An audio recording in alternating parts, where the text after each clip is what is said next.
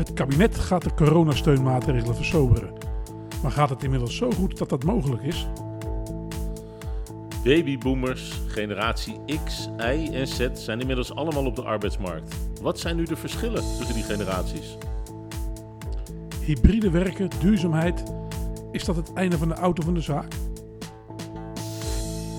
Paul en Dennis met je kop boven het maaiveld.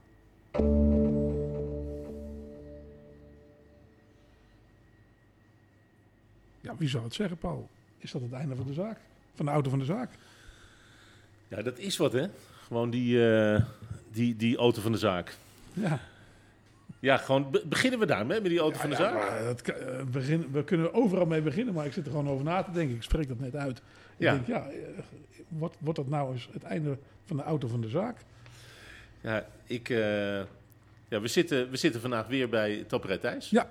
We moeten trouwens toch bij het begin beginnen, want dan weten we ook eens direct wat meer over die, eh, die generatieverschillen. Wat ook weer het gevolg is van die Ja, auto van de zaak. ja, Oké, nee, ja. dan beginnen we. Er zit een soort lijn in. Ik vind dat toch een goed idee. Ja. Eh, het kabinet die gaat die coronasteun, die gaan ze, eh, de maatregelen die willen ze verzoberen, zo noemen ze het zelf. En eh, een van de dingen daarvan is, en er komt eigenlijk is wel de, de NOW-regeling, Ja. die, eh, die, die gaan ze tot 80%, dus die gaan ze iets terugdraaien. Dus dat je daar niet meer het hele bedrag krijgt, maar wat minder. Mhm. Eh, het positieve, tenminste voor mensen die gebruik maken van die steunmaatregel, is dat de TVL die is te lastig om aan te passen. Ja. Dus eigenlijk ook een lachertje. Het is natuurlijk bijzonder dat dat het de, de, de reden is dat iets niet aangepast wordt. En daarom verzoberen ze dat niet. Mhm. Eh, maar, eh, en daar hadden we het net al met Thijs even over, die, eh, de WW-premie die gaat per augustus, wordt die wel teruggedraaid, of voor een deel teruggedraaid. En dat betekent dat je aan premie betaal je ongeveer 2% minder premie. Maar daarentegen is de BIC-regeling, die komt te vervallen met terugwerkende kracht. Dus dat kan ook weer voor bedrijven die daar dit jaar wel gebruik van gemaakt hebben. Ja, dat werkt ook weer nadelig. Ja, dan moeten ze weer terugbetalen. Ja, Ja. dus eigenlijk wordt het een beetje gezien alsof we gewoon eh, dat we alles gehad hebben. Ja. Maar ja, als je uit de, naar de cijfers kijkt, dan blijkt het ook zo te zijn. Hè? Ja, ik, eh, ik, ik weet niet naar welke cijfers er gekeken worden. Nou ja, goed, het nationaal product. en, eh, en, en we- we zien gewoon dat de economie in zijn algemeenheid gewoon weer groeit. Aan het eind van het jaar hebben we gewoon een verse groei. Of, eh, forse groei. Ja, nou ja, vanuit, vanuit het, het horecabedrijf dat wij hebben, Ja, daar zie ik nog dat ik zeker niet aan de omzet zit zoals we dat eh, de afgelopen jaren kenden. En ik zie ook niet eh, dat we dat dit jaar nog daarin in terug gaan komen. Dus dat we dat weer gaan redden. ja, of het zo is of niet, hè, dat is nog tot daar aan toe natuurlijk. Maar, maar wat de overheid ziet is, de, de horeca is 2,8% van het bruto nationaal product. Ja, Dat is een, niet een. Dat, ja, dat heel hard gezegd. En dan toch, ondanks dat die heel slecht gaan, of slecht gegaan zijn, hebben we straks aan het eind van het jaar 3% groei, dacht ik, of zo. eh het tikken Ja, maar aan. het is natuurlijk niet alleen de, de, de horeca hè, die eh, Nee. de klap heeft gehad. Zeker de niet, zeker niet. en, en eh, Ja. noem ze allemaal maar op.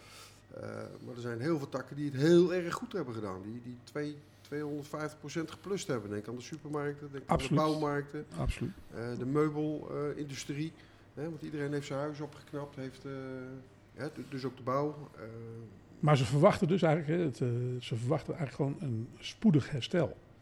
Nee, maar dat herstel is wel spoedig. En dat is eigenlijk wat Thijs ook zegt. Het is natuurlijk hartstikke mooi dat het, dat, eh, dat het totaal in Nederland, dat het per saldo weer goed gaat. Alleen is een hele gekke verdeling. Het is gewoon sommige branches die echt nog eh, aan het infuus zouden moeten. En er zijn branches die gewoon zo erg aan de toppen zijn, dat ze van gekkigheid niet weten wat ze moeten doen. Ja, maar ik denk ook wel dat nu het kaf een beetje van het koren gescheiden gaat worden. Hè. Dat er ook bedrijven waren die ook voor de corona al moeizaam een bestaansrecht hadden. Ja, hoe lang ga je die dan met steun, met eh, toch gekunstel in de lucht houden? Dat is natuurlijk ook een vraag die wel speelt. Ja, maar zolang we nog met restricties te maken hebben, denk ik dat je niet helemaal zonder. Kijk, Ja. wat we al kregen was al niet, niet geen vetpot. hè? Nee, nee, nee. nee. Ja, ik, En, ik verdedig eh, het niet, hè. nee, het is nee, wel- nee, Het zeker is alleen maar een andere gedachte gaan. En, eh, hè, ik praat even uit, eh, voor eigen parochie in de zin van de horeca. Eh, het was geen vetpot. eh er moest iedere maand geld bij. Eh, en deze restricties geven ons nog steeds niet de vrijheid die we met een normale omzet om een normale omzet te kunnen gaan halen. Mhm. Ja, als je kijkt de afgelopen zondag met voetballen. Hè, Oranje speelt. Dat zijn toch eh, de krent in de pap voor ons in een jaar. Maar dan eh, moet je toch weer die anderhalve meter aanhouden. Of heel moeilijk genoemd met die toegangstesten. Maar goed, Ja. is, nee, we zijn er nog, we zijn nog niet. geen-. Je vindt eigenlijk prematuur dat ze al teruggedraaid worden dus. Te vroeg. Nou, je moet ook uitkijken, want hè, men roept allemaal maar weer die, die Delta Plus variant. Stel nou dat dat wel eh, loskomt. Mhm. En wat, wat gaan ze dan doen? Moeten we dan weer dicht? Moeten we dan... En, en als je alles al teruggeschroefd hebt, dan moet je alles weer opschroeven en noem het allemaal maar op.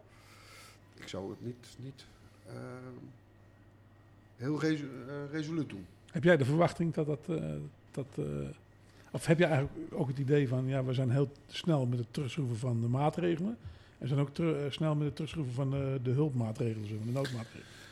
Nee, ik, ik probeer natuurlijk in deze podcast zo objectief mogelijk te zijn. En eigenlijk te niet, hè? zien, Je mag ook gewoon zeggen wat je vindt. eigenlijk te zien maar hoe de markt in elkaar zit. Alleen als ik naar onze eigen situatie kijk, dan ga je al eh, de afgelopen 16 maanden ga je met die ups en downs. En iedere keer denk je, het gaat de goede kant op. En we mogen net weer iets meer en nu gaat het, gaat het goed en nu eh, gaat het lukken. Dat dachten we afgelopen zomer ook. En als je daarna toch weer je deur dicht moet doen en dat je inkomsten dan weer eh, verdwijnen. En ja, er is wel een TVL, er is wel een NOW-regeling. En ja, dat is alleen maar om een beetje de kosten te dekken. Toch moet, je, toch moet je misschien ook iets anders kijken daarnaar. Kijk, een regering die, die doet die, doet die eh, maatregelen op basis van angst. Dus op alle restricties die we gekregen hebben, kwam dat er ook onder de bevolking wel de angst was. Iedereen had wel misschien wel iemand in zijn omgeving die ermee te maken kreeg met corona. Ehm, wij denken heel vaak aan het financiële plaatje. En dan kijken we naar onze eigen situatie ook vaak in. Van, ja, wat betekent dit voor mij als ondernemer? Maar een, een regering of een coalitie, die, die, die, kijken ook een beetje naar de politieke haalbaarheid van bepaalde maatregelen. Zo'n zo'n lockdown zou je vier jaar geleden niet kunnen bedenken dat het er ooit in Nederland doorheen gedrukt zou zijn. Nooit. Ja, Dat zat zo ver van je bed af op zo'n moment. maar dit was nieuw. Ja, Niemand kende ja, maar, dus, maar nu hebben we angst en van die angst is het, en nu is het in één keer politiek gezien haalbaar. Denk jij, nu hè, met, ook omdat we natuurlijk kunnen terugkijken naar hoe de afgelopen tijden waren, welke maatregelen misschien ook wel een beetje too much waren, helemaal niet geholpen hebben en sommige wel, hè, met, met, met die kennis die we nu hebben, dat je dezelfde maatregelen nog een keer zou kunnen nemen, dat dat ook haalbaar is. En je bedoelt de maatregelen om gewoon winkels te sluiten, Ja, bedrijven ja. te sluiten. Zo'n harde ingreep hebben op mensen hun bestaansrecht te maken. eh, aan, naar het OMT laten hangen. Dus zolang dat gebeurt en het OMT zegt dan sluiten, dan wordt er gewoon, dan doen ze dat. Dat hebben ze tot nog toe gedaan, maar, dat kwam, maar je merkt ook wel beweging naar de gezondheid gemaakt en niet Ja. naar de... En dat konden ze ook verdedigen, hè? dat konden ze ook verdedigen. Maar nu en achteraf gezien zeggen ze eigenlijk ook van ja, de, de lockdown heeft eh, niet heel veel. eh, eh, Kuipers zei dat en dat zei ook, hoe heet die, die andere Gommers. gommers, ja, die zeiden allebei wel van ja, het blijkt niet uit cijfers dat de lockdown nou echt iets eh, eh, positief eh, teweeg heeft gebracht in de coronacijfers uiteindelijk. Dus sommige maatregelen die we genomen hebben waren gewoon Nou, er waren ook een hoop maatregelen die ze eigenlijk overgenomen hadden vanuit Ja. het buitenland. omdat En om ons daar- gedrag misschien wel een beetje te beïnvloeden op dat moment. Dat we ook de druk voelden, hè, van er moet echt wat gebeuren en noem maar op. De- maar de politieke haalbaarheid van, om zoiets nog een keer te doen, is wel afgenomen naar mijn idee. Nee, wat wel gek is, is heel Europa heeft het gedaan. Ja, Dus eh, is Maar Europa, zijn het allemaal schapen die gewoon elkaar zo volgen van daar gebeurde dus Ja. ik ga wel meedoen? uit de geschiedenis blijkt dat dat echt zo is. Ja. Uit de geschiedenis blijkt dat wij wel met z'n allen als bevolking schapen zijn in die zin. Maar hebben ook ons netjes gedragen. Ja, Er ook dus, dus, landen eh, geweest waar het wel eh, veel harder eraan toe ging. Ja. Omdat ze het niet eens waren met... eh, Maar ook hier zag je toch wel dat eh, de maatschappelijk, het maatschappelijke draagvlak voor de maatregelen afnam Ja, aan het einde van de rit. Dat heeft te maken met het feit, omdat we vorig jaar zomer, in juni, mocht alles weer een beetje open. En Ja. Dus dan geef je die vinger. Ja. En we zijn ook een volk wat dan meteen... die hele hand pakken. Ja. En eigenlijk vanaf dat moment is het niet meer goed gekomen. Maar, maar ik denk niet dat het, en dan denk ik ook nog eens een keer gewoon in, maar dat is mijn eigen idee. Hè, de Delta-variant wordt nu over gezegd, die wordt een keer dominant. Maar binnen een heel klein aantal besmettingen. Dus, eh, want ze, we overwegen nu, hè, wordt nu overwogen ook jeugd in te, eh, te vaccineren. En eh, dat draagt zeker bij aan eh, de groepsimmuniteit waar we al heel lang op zaten te wachten, zeg maar.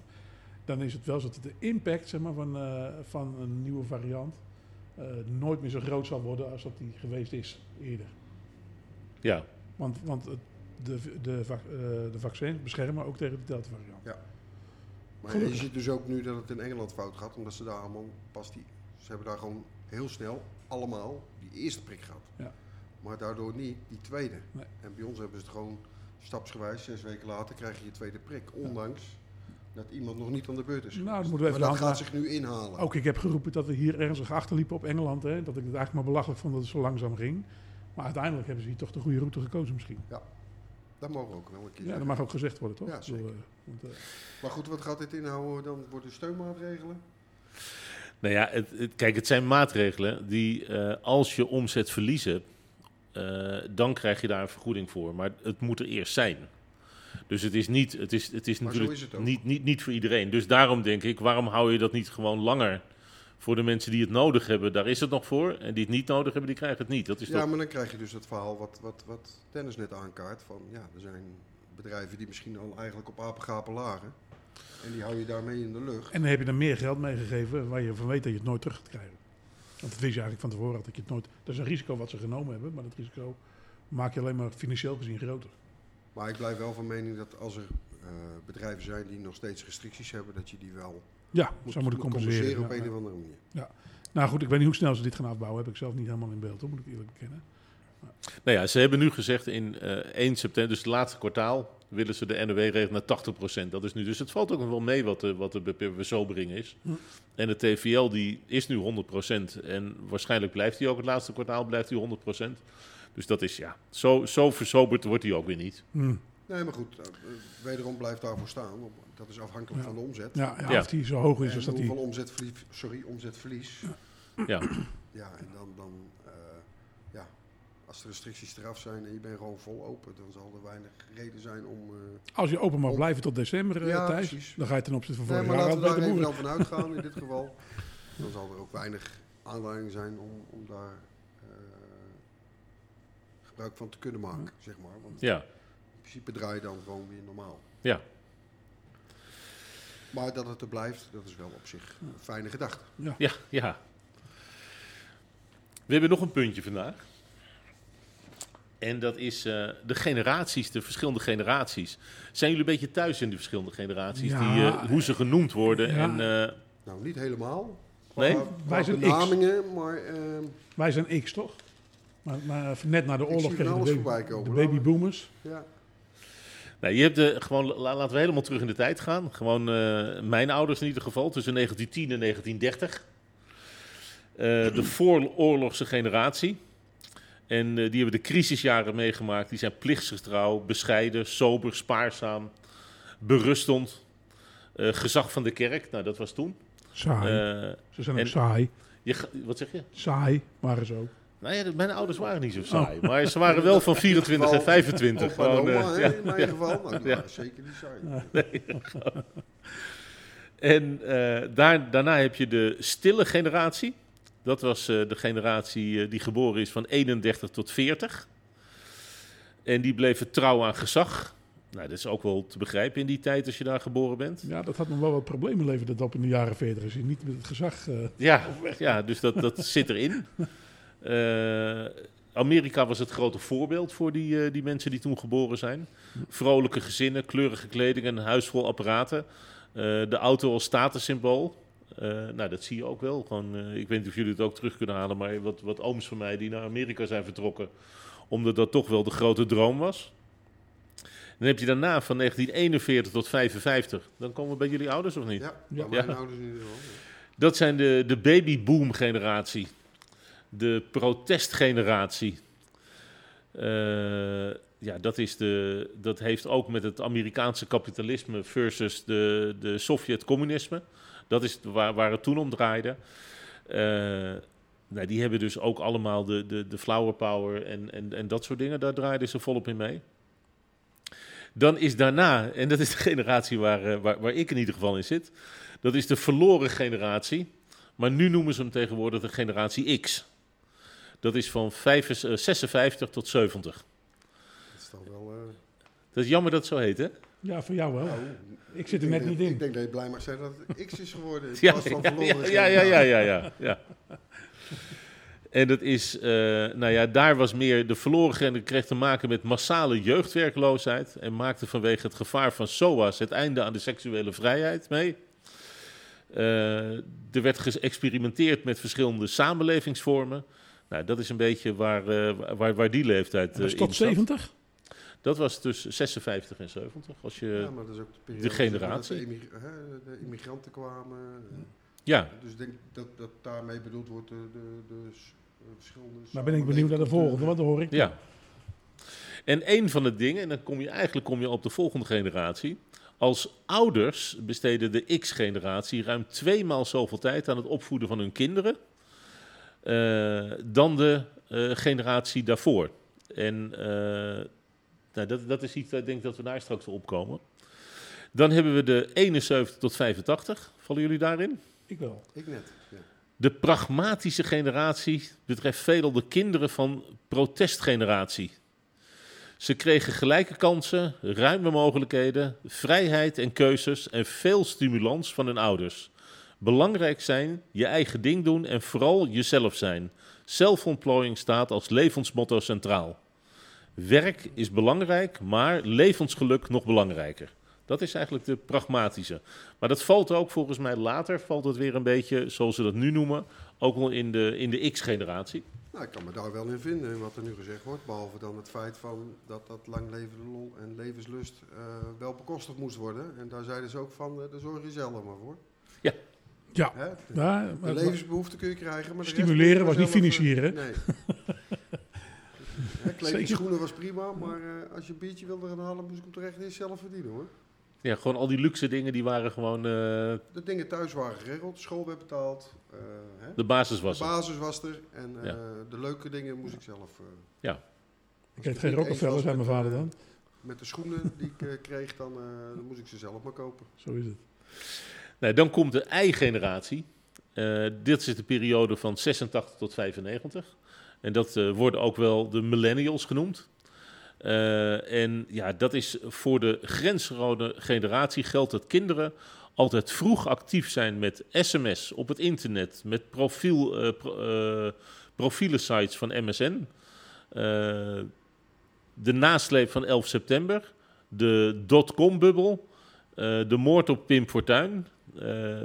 Van de eh, commercie hebben marketeers de jeugdcultuur ook getypeerd als achterbankgeneratie. Ouders regelden alles voor hen. Knip- en plakgeneratie, alles is al eens bedacht. Mediageneratie communiceert gemakkelijk digitaal eh, van persoon tot persoon. En generatie I vertroeteld, zelfverzekerd en opgegroeid met grote technologische vooruitgang. Nou, dat zijn eigenlijk nu. Daarna gaat hij door naar de I, X en de Z. En eh, de X is, eh, is dan alles wat eh, van, van 2000, wat nu een beetje op de arbeidsmarkt komt. En de Z, dat, is, dat, dat, dat zijn onze kinderen dan weer. En nu blijkt dat die, die I-generatie, je hebt I1 en I2, eh, dat die het heel erg moeilijk hebben op de arbeidsmarkt. En daar verbazen mensen zich wel een beetje over. Hoe zitten jullie erin? Nou, ik niet. Ik, nou, weet ik niet. Ik- zonder te generaliseren, want ik vind het wel lastig. We hebben het over generaties, dus je hebt het over iets wat gene- generiek is. Generaliseerd. Ja, Hè, maar maar eh, in feite is het natuurlijk, zijn nog steeds individuen. En eh, daar zullen eh, mensen aan de ene kant van het spectrum zitten en aan de andere kant van het spectrum zitten. Zeker. Maar ja, ik herken wel dat. Kijk, ja, eh, ik weet niet hoe de, we hebben het net nog even gehad, over gehad, maar ik kreeg vroeger een tweedehands brommetje. En dus kreeg ik, daar kon ik een eh, krantenwijk van nemen. En dan kon je een tweedehands brommetje kopen. En als je nu op een schoolplein komt, dan staat daar gewoon 5, 6, 7, 8 eh Vespa-scooters van ieder 3000 euro stuk staan nog op een rijtje. Ja, dat zijn bedragen die werden vroeger niet zomaar mijn kinderen meegegeven zonder dat ze er zelf een steek voor gewerkt hadden. Dus ja, het is ze makkelijker aankomen waaien, lijkt wel. Maar aan de andere kant leefden zij ook met het idee al dat je er niet bij hoort als je niet hebt. Daar heb ik dan ook gelast van gehad vroeger, zeg maar. nee. Nou, je had vroeger ook wel eh, verschillen natuurlijk. Hè? Wel. Eh, Maar niet van 3000 euro. nee, in mijn tijd wel. Hè, als je, Dat is allemaal wat haalbaarder. eh, De kakkers en de hazels noem ik het Ja, maar even. ja, ja, De dijkers, reden, dijk- reden op een Honda 6 en de, en Ja. de hazels reden op een, op een Honda Kreidler. NT. Ja, Ja, klopt precies. ja. Eh, en waren dat weer de boeren? haar En dan Ja. noem het allemaal maar op. Ja, en als je dan niet die schoenen aan had of niet die... Dus dat was toen ook. Tuurlijk wel, maar, toen, maar het ging dan over schoenen. Het ging dan over een... eh, Ja, of een horloge. Of Ja. een- ook, ook wel dingen ja, van ja. waarde. Hè, van, eh, maar de bedragen waren toch wel wat lager. tuurlijk. Nou, wat het een van de dingen is die ik net ook zei, dat is ze zijn vertroeteld en opgegroeid met grote eh, technologische vooruitgang. Dus heel veel dingen waren er al. Alles was terug te vinden. En eh, wat ik ook net zei, de achterbankgeneratie, gewoon alles werd geregeld voor ze. Het is vandaag woensdag, toch? De, Ja, het is woensdag. Ja. hoeveelste? 31ste. 31ste. Gisteren was het precies 14 jaar geleden dat de eerste iPhone geïntroduceerd werd. 14 jaar geleden, jongens, dat is niet lang. Nee, Nee, maar dat is wel net de, de, in mijn geval, de puberleeftijd van de kinderen. Ja. Eh, Maar, Ja. ze- maar kan jij hem zelfs, hè, uit onze generatie, hè, eh, kunnen wij hem dan wegdenken nu? nee niet. Die ontwikkeling al. Niet, maar dat, dat is eigenlijk met heel veel dingen. Kan je Ja, het gebruiksgemak geeft. Ja, dus Eh, dat, het internetbankieren, wie niet? het is toch een revolutie die, die je moet vergelijken met de industriële revolutie. Zeg maar. het, eh, Het enige wat bij mij opvalt is dat eh, eh, de kinderen, in mijn geval mijn kinderen, als ik dan even uit eigen parochie weer spreek, eh, de sms-taal of de, de app-taal ja, de tegenwoordig, taalverandering. eh, is tegenwoordig ook de taal waarin ze brieven schrijven. ja, dat is niet En goed. Dat kan er bij mij echt niet in. En het wordt geaccepteerd. Nou, onderling wel, maar ik vind ook als jij dan een app de deur uit doet naar eh, mensen waarmee je werkt, ja, dan denk ik van, dan ben ik misschien een oude lul, maar dan denk ik van, dat kan toch niet? Nee. Dit Maar kan het toch niet zo sturen? Maar het gekke is, het wordt daar dus wel geaccepteerd. Er is daar niemand die zegt van nou, eh, Dat weet ik niet. Dat weet ik niet. Ik vind dat wel iets aangeven van je eigen niveau op een duur. Maar nu, nu komen we een beetje op het punt. Hoe zitten die mensen nou met werk? Hoe gaan ze nou met werk om? En eh, een van de dingen is dat er heel veel eh, millennials, eh, die eigen-generatie, die zitten nu met een burn-out. Want het is allemaal te veel en het, het lukt allemaal niet meer.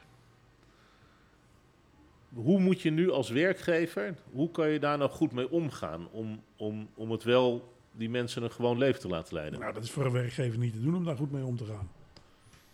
Want, als je een, eh, zijn de verwachtingen dan die een werkgever van zijn werknemer hebt dan zo overspannen? Nee, maar dat is ook de norm die zij zichzelf aanmeten. Want ze moeten aan de ene kant willen ze, eh, ze willen en die vakantie, Ja. en ze willen wonen, Ja. en ze willen eh, werken, en ze willen het aanzien. Dus, dus er komen heel veel dingen bij kijken. En dat geeft natuurlijk heel veel druk. ja. Maar dat is druk die, die de werkgevers niet oplegt. Nee, maar het, het werk, maar je zit er als werkgever, zit je er wel mee. Ja, ja, je zit Want het nee, is wel, dus- je, je dus kan niet de hele generatie overslaan in je, in ja, je maar- bedrijf. Maar, dat, is, dat is helemaal de, de, de, de, de crux. Als jij iets. eh, eh, het werk concurreert kennelijk met andere waarden en dingen die mensen belangrijk vinden. dus- Concurreert of conflicteert? Eh, Beide. Ja, Beide. Want maar het, is, het is dus aandacht die je aan andere zaken wil schenken, die kan je niet aan je werk schenken. Nee. Maar mensen willen op hun werk willen ze ook eh, de, eh, de, de. Ja, heel hard gezegd, als jij een, eh, een, een topfunctie in een bedrijf ambieert, dan weet je dat daar offers tegenover staan. Dat kan Ja. niet anders. Maar als je niet bereid bent die offers te brengen in je privéleven om die, om die topfunctie goed te kunnen doen, ja, een, een topfunctie is niet een dingetje wat je even uit een kast pakt en zegt van nu heb ik een topfunctie en ik hoef er zelf niks meer voor te doen. Nee. Zo werkt het niet met een topfunctie. Een topfunctie betekent dat jij er zelf heel veel inspanning aan levert. En eh, dat ze eigenlijk een hele goede willen hebben voor een bepaalde baan. Omdat die daar goed in zou kunnen zijn. Dus die, daar vraag je meer inspanning van. Maar je merkt Maar- dus... Mensen willen vaak wel het salaris en, en de titel. Ja, Maar willen niet die inspanning leveren. daar Ja, dat gaat niet samen. Daar ben ik met je eens, maar ik, ik zie ook wel verschil nu ontstaan eh, tussen bedrijven. Dus de, de, even de, de ouderwetse bedrijven, noem maar even de Shell en de KPN en eh, eh, nou, noem, noem- je kan ze allemaal opnoemen. Ehm, die hebben toch een beetje dan ook die ouderwetse cultuur van, hè, dus inderdaad inspanning leveren en doen. Maar als je naar de nieuwere bedrijven kijkt, al die jongens als de bol.com en de, die allemaal met, met internet van doen hebben. Hè? De- Ja? dat is dus ook de jongere generatie die daar eh, mee van start is gegaan. Die hebben ook een hele andere bedrijfscultuur. Hè? Ja. Die zit op vrijdagmiddag met z'n allen in de kantine eh, een biertje te doen. En, eh, Nee, en, in de pauze tafeltennis, eh, ja. Eh, darten en en- ja. Is dat ouderwets en nieuw dan? Ik, het dat is, is dan nieuwerwets, noem ik het even. Ehm, en daar, dat sluit aan bij hun de mensen. jongere generatie. Ja, maar aan de andere kant, als jij als jongere werkt in een bandentent zoals ik had... en jij gaat op vrijdagmiddag een biertje drinken om drie uur... dus dat betekent dat om half vier... niemand geholpen meer wordt met een lekker band. Dus dat de omzet stopt vanaf dat moment dan... en alles stopt dan vanaf dat moment. Dus dat kan niet. Heel, heel, dat- dus dat kan je ouderwets of nieuwwets vinden. Het kan gewoon in bepaalde eh, beroepen kan dat gewoon niet voor. Dus dan moet je dat ook niet willen als je kiest voor zo'n beroep. Als jij bij ons eh, vroeger eh, servicemonteur werd, dan weet je dat je ook s'nachts een keer uit je bed Ja, kan worden. je dus inderdaad, zit je in de, in de service tak. Ja, En- en- en maar, eerlijk maar- gezegd- Maar een Shell of een, die zou dat op vrijdagmiddag prima maar wat doen. voeg je, want dat is de andere kant van het verhaal. En daar zit ook de crux overigens in het, eh, eh, in het verhaal in. Je, als je bij zo'n functiewerk eh, krijgt waar je relatief, althans, je bent, als jij stopt met werken en het bedrijf gaat door, dan kan het bedrijf dus kennelijk ook zonder jou op dat moment. Dat ook mensen die daar werken van zichzelf wel eens afvragen, wat voeg ik hier nou eigenlijk in dit proces toe? En dat maakt je ook redelijk uitwisselbaar en ook wel kwetsbaar. En, als, en weet je, mensen willen er ook toe doen. En je krijgt in zo'n bedrijf dus nooit het gevoel dat je er echt toe doet. Want ja, een ander die kan het ook. En als je weg blijft, blijft gaat het ook gewoon door. Niemand be- belt als je ziek bent, want het bedrijf gaat niet eens dicht. Of, dat is eigenlijk, dat is, dat is ook, Ja. en, dat, en daar kun je ook last van je hebben. ziet bij dat soort bedrijven juist heel veel verloop. Ja. Omdat mensen door willen groeien. Ja, maar het, is, het, het zit Maar aan ze, de ene maar ze kant... willen groeien naar een ander salaris. Je moet ook willen groeien naar iets meer eh, toegevoegde waarde te kunnen bieden. En, dat, Ja. dat, dat, en, dat, en daar, zit, daar zit heel veel verschil in dat soort bedrijven in. En dat, dat doet pijn. Maar dat verschil zit dus ook in de werknemers. Ja, ja. Hè, in de, hè, je hebt net aan de ene kant de andere kant van het spectrum. ja, ja. Maar dat- ook daarin zit dus verschil. Ja. En daarom zal de een het wel redden, de ander zal met een burn-out thuiskomen. Omdat hij... Nou, je, eh, ziet, je ziet nu, en dat is, jij zegt de nieuwe bedrijven. Eh, wij hebben al een paar keer al in, in de podcast ook aangehaald naar eh Coolblue. Hetzelfde, ja. Die doen dat wel. En dat is de manier die verkopen. eh, die hebben de glimlach geclaimd. En Ja. dat is hun, hun marketingbasis. Ja, oké.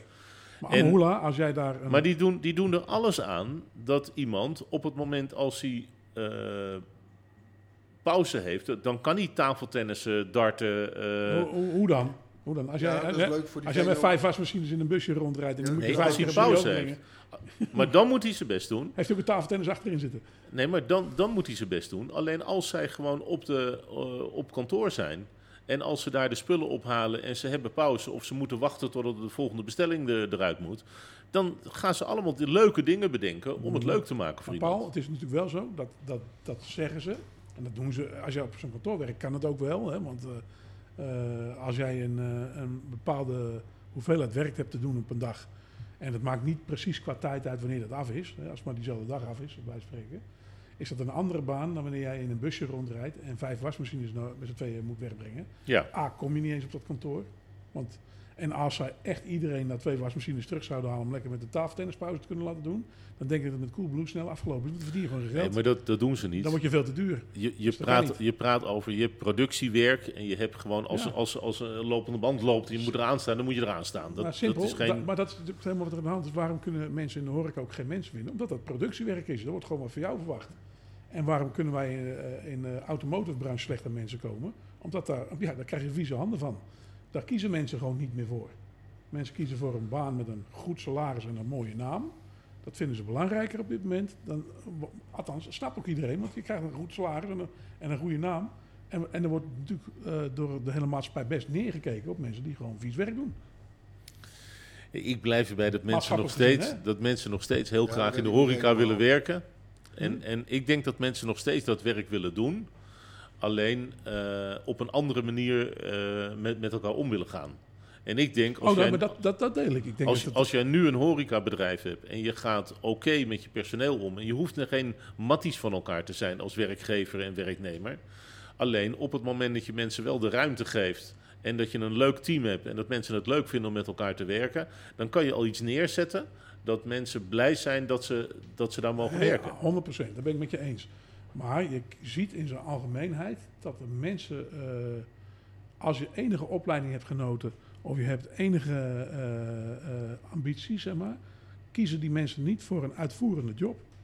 Nee, En in uitvoerende jobs kan zo'n manier van leven gewoon niet helemaal. Daar kun je niet om de twee wielen die je gewisseld hebt een potje gaan tafeltennissen. Dat Nee. gaat gewoon niet. Ja, dat, dat, dat, is, dat is heel vervelend als je dat echt wil.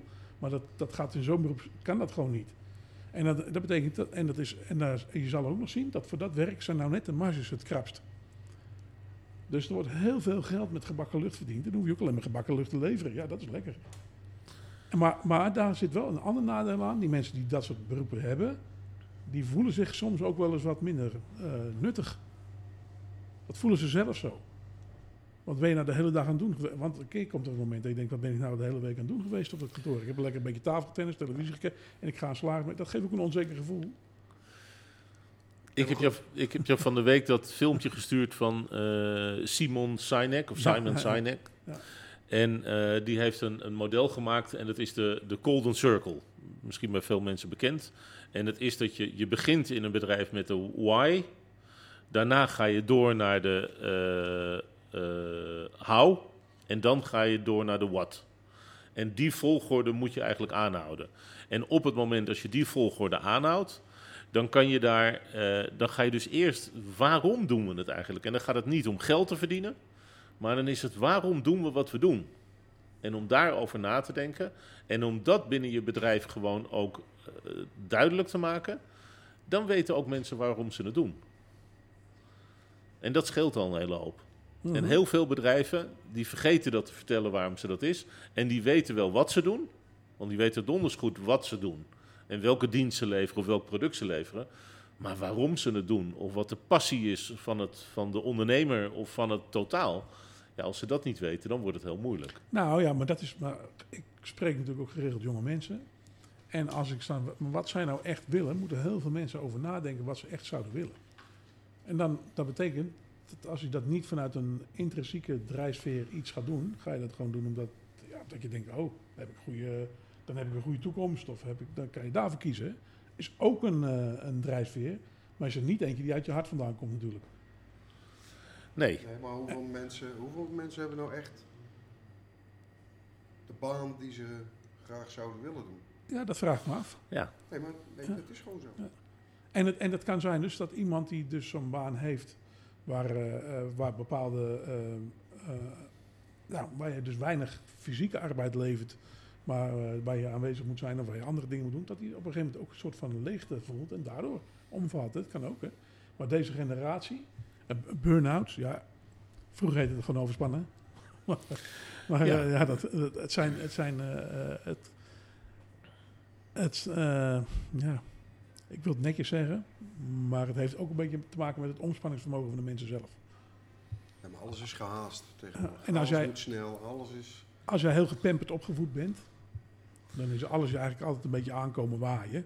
Ja, want je ouders hebben dat voor je geregeld. En als je Kinderen opeens die verantwoording hebt. Ja, kinderen worden, en dat zegt diezelfde trouwens, die man die dat geschreven heeft. eh, Ja. eh, eh, die, die zegt het ook, hè, als het je allemaal eh, is aankomen waaien, dan leer je ook nooit eigenlijk meer wat, eh, wat, wat, voor- voor plezier het oplevert om iets voor elkaar te krijgen, zeg maar. Ja, Hè, dat zit er dan ook niet meer in.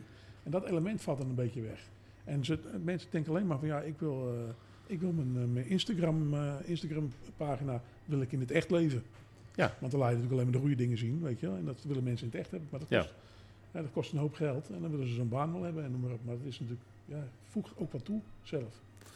En wat, wat als je nou in een bedrijf werkt met die verschillende generaties. En de, de volgende generaties, die is trouwens weer wat behoudender. Hè? Die, is alweer, eh, die hebben wel wat, andere dingen meegemaakt. En die zien ook wel van, nou, we moeten wel voorzichtig zijn en we moeten er op een andere manier mee omgaan. Dat gaat nu weer komen op de arbeidsmarkt. En eh, die, diezelfde Simon, die heeft, ook een, eh, die heeft het over de... je moet eigenlijk gewoon feedback geven aan je medewerkers. Dus waarom ze iets niet goed doen of waarom je niet blij bent. En die heeft een, eh, een model en dat is de FBI-feedback. dat gaat om eh, feeling, eh, belief en impact. Dus het, het, eh, het, het gevoel, het gedrag en de impact die het, die, die het heeft. Dat je, en dat moet je eigenlijk allemaal aantonen in je, eh, in je feedback. Dus ook zeggen waarom je er niet blij mee bent. Hoe het anders had gekund. En dat, hij, dat je hem daarvoor eh, geen fijne collega vindt. Ja, maar dat zijn natuurlijk hele normale communicatievoorwaarden. Nee, maar dat is dus, zoals wij hier zitten, zou je denken dat is een hele normale communicatievorm. Maar dit is niet een normale communicatievorm, want er worden dingen gewoon niet tegen elkaar gezegd. Als iets niet leuk is, ja, dan ga ik wel een andere baan zoeken. Ja, ja, en mensen hebben dat ook moeilijker geleerd. Ja, Want als je alleen maar in een schermpje kan chatten, dan kun je, dat is niet hetzelfde als in het echt tegen iemand die recht in de ogen wat zeggen. ja. Dus, Interessant, ja, ja, nee, zeker. maar we hebben het niet opgelost. Nee, maar we kunnen, wij zijn ook niet van het oplossen. Gewoon, eh, volgens mij is het dat we gewoon over dingen waar we als ondernemers tegenaan lopen, dat we daarover praten. En eh nou ben ik ook wel heel benieuwd. Dat is het, eh, het andere, en daar begonnen we eigenlijk net al mee. Ja, is, het, is het tijdperk van het einde van de auto van de zaak, is dat, is dat aan het einde gekomen? Wat denk jij? Nou, ik, eh, ik denk zelf, maar dat er heel veel mensen nog steeds ontzettend blij van worden. En dat het ook een statussymbool is als ze een dikke auto voor de deur hebben. Maar ik denk dat er weinig mensen die uit zichzelf gewoon eh 60.000 euro neer moeten leggen voor een auto, dat ze dat gaan doen. En alleen omdat het zakelijk is en omdat ze het met bijtelling eh, kunnen regelen, dat ze het wel doen. Dus ik denk, en hij is wel belangrijk, die auto voor de deur. Dus ik denk dat hij er bij een, bij een grote, grote club mensen gaat die auto van de zaken niet zomaar uit. Nou, we hadden het net al over generatieverschillen. Hè. De, de oudste generatie zag echt als een statussymbool. Dus spaar die voor een bepaalde auto. En laten we eerlijk zijn, toen de auto maar net uitkwam, was het ook niet voor ieder gezin zomaar weggelegd om een auto te hebben, überhaupt. Eh, nu zijn het gewoon te veel auto's. Die zijn er echt te veel. En ehm, we, in het afgelopen jaar zijn er 200.000 auto's bijgekomen in Nederland. Ja, En het zakelijke autobezit is met 4% gegroeid en het particuliere autobezit met 1,5% maar. ja, Wist je niet, hè? Het zijn 8,7 miljoen auto's in Nederland. ja. En toch zijn met de zakelijke auto's de auto's kleiner geworden. De auto's worden kleiner, sowieso worden ze. Maar er is een andere dingetje aan de hand. Er is iets, eh, vroeger was je eigenaar van een auto. Maar als je in zijn algemeenheid kijkt, is de gebruiker van de auto in steeds meer gevallen niet meer de eigenaar van de auto. Dus dat betekent dat er komen leasevormen aan, of andere, of huurvormen, of short lease, of wat voor pakketten aan. En dit is maar een tussenstap, want waar we naartoe gaan, is dat je echt mobility as a service gaat zien. Dus dat je gewoon, zeg maar, eh, eh, nu bestel je een Ubertje. En straks zeg je gewoon, ik wil ergens naartoe. En dat zet je in een app en er is een vervoersmiddel voor jou beschikbaar. Wat past om je daarheen te brengen. En dat gaat gebeuren. Dat is er al en dat is enorm ook aan het groeien. Hè? Dat groeit enorm, ja. Want dat wordt een ander... en de, de, de... Ja, maar dat zijn nog maar de tussenstappen hoor, geloof ik. Jawel, zeker. Het gaat, gaat, het gaat nog meer naar een app vormen, want die auto's kunnen praktisch zelf rijden. Dus ook de, in China wordt er al mee geëxperimenteerd dat auto's helemaal niet meer een bestuurder bij zich hebben. Maar Thijs, zie jij jezelf gewoon op een andere manier die mobiliteit te gaan doen? Zeg je nee, in mijn Nou, geval kan het niet. eerlijk, eh, het is voor mij 's ochtends instappen, eh, mijn boodschappen halen en noem het allemaal maar op. Hè. Zorgen dat het eh, voor hier geregeld is. En vervolgens kom ik hier en staat die auto voor de deur tot het moment dat ik weer wegga. Ja, Dus er zal allicht een moment komen dat die auto dan terug naar huis rijdt en eh mijn vrouw naar de werk brengt of Nou ja. eh, ophaalt. Of, Ja. Je hebt al eh, Snapcar of zo, hè? Dus dat betekent dat jij Ja. de auto hier ongebruikt laat staan, kan iemand anders hem bijspreken zich eh, intekenen op jouw auto. En ja. dan krijg jij een soort vergoeding voor. Maar ik denk dat alles wel valt of staat met hoe snel heb je dat vervoermiddel beschikbaar. Ja, maar dat, dat, er zijn dus 8,7 miljoen voertuigen in Nederland met van verschillende uitvoeringen. Ehm, dat wagenpark verandert de komende jaren hè, naar steeds meer eh, andere aandrijvingen en noem maar op toe. Eh, het zijn ook allemaal kleinere auto's geworden. Eh, heel veel spullen die jij vroeger zou halen, die bestel je tegenwoordig al. Want die worden al gebracht. Dus dat, dat verandert allemaal. Dus het behoefte van mensen om zelf kilometers te rijden, gaat verkleinen. En dat, je gaat per kilometer die je rijdt, ga je veel meer betalen dan je nu doet. Maar aan de andere kant heb je nooit meer vaste kosten omdat je een auto bezit. Dus het wordt voor jou uiteindelijk voordeliger. Ja, ik Maar- denk ook dat dat de toekomst Ja, wordt. en en het gaat gewoon, jij eh, begint over China, maar eh, ik, ik had begrepen dat BMW en dat soort bedrijven zijn daar ook al mee bezig. Nee, al lang. Nee, maar de- de- die, die auto's kunnen al een heleboel zelf. Hè. Die, nee, eh, maar ook gewoon dat ze al met die totaaloplossing bezig Ja, zijn. Het gaat, maar het gaat veranderen. Dus eh, de, die hele markt gaat net zo'n soort revolutie doormaken als waar we het net over hadden met de iPhone. Het gaat allemaal straks per, eh, per app. Google is al met Apple bezig, geloof ik. En, Ja. Of Apple al met Google. Ja. eh, Nou, dat wat wat en het, nu is de, eigenlijk, het is eigenlijk ook, eh, en dat wordt natuurlijk en milieuvriendelijk, want de, de duurzaamheid vraagt daar ook om. Hè. We hebben gewoon eh, eh, te veel productie van auto's en eh, het verdienmodel vraagt erom, want een dealer kan al haast niks meer verdienen. Die moet die auto al in de werkplaats krijgen. Maar ook eerlijk gezegd, de serviceintervallen worden alleen maar langer, dus hij krijgt steeds minder auto's. Uiteindelijk of krijgt hem steeds minder vaak te zien. Dus het wordt steeds moeilijker ook voor een dealer om aan te verdienen. Die keten die wordt heel erg uitgedund. Dat kan niet anders. Dat moet.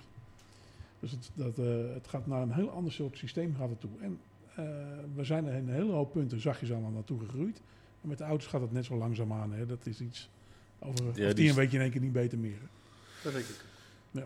bedrijven die gaan nu gaan ze kiezen voor een eh, mobiliteitsbudget. Dat is nu wat, wat er steeds meer in gaat komen. Om gewoon te zeggen van ja, normaal had je die leaseauto. Of eh, zoveel krijg je per maand om voor te reizen. En of je dat met je e-bike doet, of dat je dat met eh, openbaar vervoer doet, of met een, een tijdelijke auto. Of je rijdt wel met je eigen auto en die kilometers die zijn daar dan vergoed. Eh, dat- dat- dat zijn nu. Zien jullie daar wel gewoon een, een voordeel in om het op die manier te doen? Jazeker. Ja. Ja, je ziet het nu. Hè. eh, nou, thuis hebben wij een Tesla staan. Die is van mijn vriendin. Zij heeft een collega, die heeft ook een Tesla staan. Maar die gaan dan op vakantie en dan, le- dan leent ze een andere auto van een andere collega. Want die is dan groter en eh, die eh, hoef je ook niet te laden onderweg. Ja, Dan, ja, normaal gesproken hè, is het, eh, juist het, het, het toefje slagroom op de taart. is juist dat je met je vakantie met je leaseauto kan, weet je wel. En, maar je ziet dat, dat dat interesseert ook beide partijen helemaal niks dat het eventjes omgewisseld wordt. ja. Niks. Want dat, en die jongste generatie, die interesseert ook het hebben van een auto helemaal niets. Het hebben Oh. niet meer. Nee. Nou, nee, ja, nee. En of die groot is of klein, dat maakt hem ook Nee, niet uit. Als, nee. als je kijkt ook naar eh prijsbeurs, Ja. eh, naar de auto. Hè? Ja, eh, ik- zeg bij mijn eigen zoon die, die eh, een functie omhoog schoof en eigenlijk een grotere auto mocht. Hij zei helemaal niet, hoef ik helemaal niet, want deze is groot zat. En, eh, Ik vind een ja, organisatie... maar alleen maar meer. En, en nu ook, hè, van ja, gaat in september op vakantie. Nou, dan had hij weer een collega gevonden die geen auto heeft. Ehm, en als ruil eh, zei hij van, nou, als je mij nog even naar Schiphol brengt, mag jij tijdens mijn vakantie die auto gebruiken. Ja, En de generatie groeit er ook mee op, hè? want kijk hier nou eens naar buiten. Moet eens kijken hoeveel blauwe voorbandjes je ziet. Ja, precies ja ze weten niet beter. Ja. Ze weten niet beter. En daar betalen ze feitelijk misschien nog wel iets te veel voor zelfs. Hè? Als je zo, want het eh, brengt echt geld in het laadje, om maar rekenen als je zo'n eh, concept hebt. Nee, het, is, het is het voordeel dus voor de, voor de werknemer die zo'n mobiliteit, dat hij de keuzevrijheid heeft. Dus dat hij zelf kan kijken hoe hij het gaat, gaat oplossen. Ja. Als hij het niet gebruikt, kan hij dan de rest bij zijn bruto loon uitgekeerd krijgen. Ja. Want het bedrijf zegt, ja, dit is het wat, het, eh, wat ik ervoor over heb.